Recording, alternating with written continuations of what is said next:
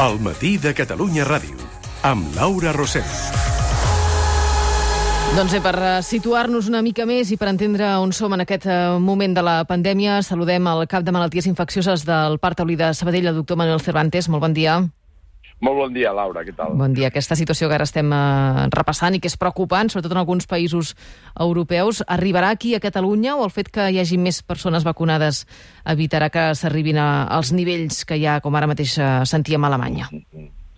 Que, que aquesta onada ha arribat a Catalunya ja és una realitat. Eh? Estem veient com es doblen els casos cada 8-10 dies, per tant, les mides que haguem de prendre les hem de prendre ja. Ara, amb, amb, amb precaució. Jo, jo crec que en aquest moment el que es decideix per les autoritats sanitàries europees o catalanes, espanyoles, un cop es decideix no s'han de discutir. Podem eh, pensar, opinar, donar eh, arguments, però un cop es decideixen són raonables endavant. Per exemple, la tercera dosi. Sí. La tercera dosi no està molt clar que sigui necessària. És probable que en gent que no tingui malalties no ho sigui, però com no estem segurs tenim i no fa mal, l'únic punt dèbil que jo li veig és que no deixem de vacunar llocs que no tenen accés econòmic a la vacuna perquè nosaltres ens posem dosis que no sabem si fa falta o no. I això té fàcil solució. Un compromís dels països rics que per cada tercera dosi que es posi es regali una al Fons Internacional de les Vacunes. És l'única pega que li veig. Uh -huh. Si no, endavant amb terceres dosis, de moment escalonadament, com s'ha fet, perquè hi ha gent que sabem que ha perdut les defenses contra la Covid que li havien donat la vacuna. Mm. De moment això ho sabem de gent gran, de gent amb malalties immunològiques, de gent amb tractaments especials que li baixen les defenses. Però és una bona eina amb aquesta gent revacunar-la, jo Clar. estic convençut. Clar. I per l'altra banda, les mides que ja sabem no s'ha acabat la pandèmia, no hem passat la prova de foc de l'hivern i, per tant, mides amb les reunions, amb la mascareta, amb els espais tancats, amb les distàncies, les que ja teníem, no hi ha res diferent. Ara, obligacions de tancar tot? Probablement no. No estem als nivells d'Alemanya, estem 10 vegades per sota, potser ho hem d'anar vigilant Uh -huh. ah, per tant, és que ha, ha contestat moltes preguntes en només una, Eh, perdona, una perdona, resposta perdona. al doctor Cervantes. Aquesta proposta solidària que feia, està damunt la taula o, o és una idea que planteja vostè?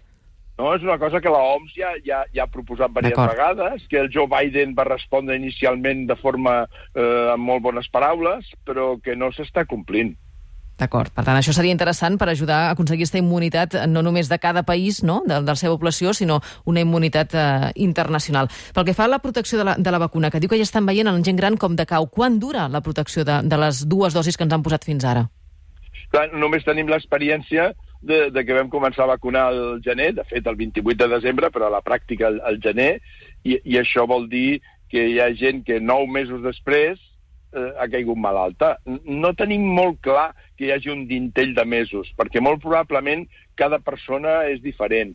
I, i a les residències, que és on vam veure una grandíssima protecció per la onada d'abril i del juliol, doncs ara ja no hi és, ara hem, hem tornat a tenir casos. Per tant, entre, entre 6 i 8 mesos sembla que s'està perdent una part de l'eficàcia, sobretot amb gent gran, que és on ho veiem més clar. Mm. Ah, I amb els eh, més eh, petits, amb els menors de 12 anys, què cal fer? Perquè també estem veient com augmenten els casos a les escoles. Cal vacunar-los? Cal apostejar per aquesta vacuna pels menors de 12?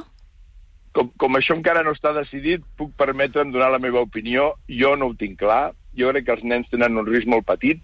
Si no hi ha una evidència de que aquests brots de les escoles són els culpables de l'increment poblacional, que de moment no és així, si això passés, seria un bon indicador de que necessitem vacunar a la canalla. Però si no, el risc-benefici de la vacunació amb nens petits jo encara no el veig clar.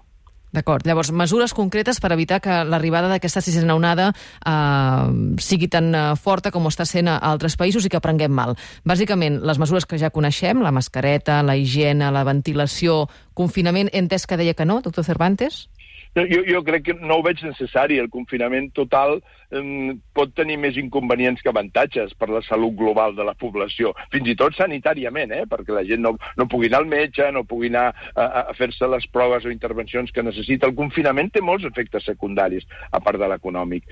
Jo diria que el més important per mi és que prenguem consciència de que això no s'ha acabat. I fa tres setmanes al nostre voltant semblava que això s'havia acabat. I, per desgràcia, no s'ha acabat. Ens queda, com a mínim, aquesta onada d'aquest hivern i ja veurem més endavant. Mm. Per tant, el Nadal, com ens l'hem d'imaginar, doctor? Serà un eh, Nadal semblant al que teníem abans el 2020 o, o més semblant al de l'any passat? Com serà?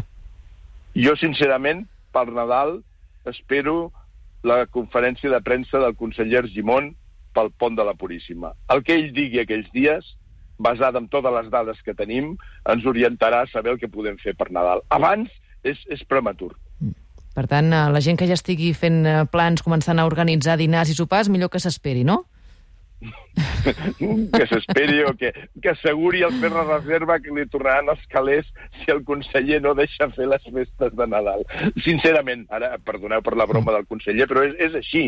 Mm, cadascú podem opinar més o menys, però les dades concretes de previsió les estan fent experts, professionals, epidemiòlegs, matemàtics i gent amb molt sentit comú. Jo els hi tindria confiança el que ens diguin ells és el que haurem de fer. D'acord, doncs esperem uh, un parell de setmanetes més. Doctor Manel Cervantes, cap de malalties infeccioses del taulí, moltíssimes gràcies, bon dia.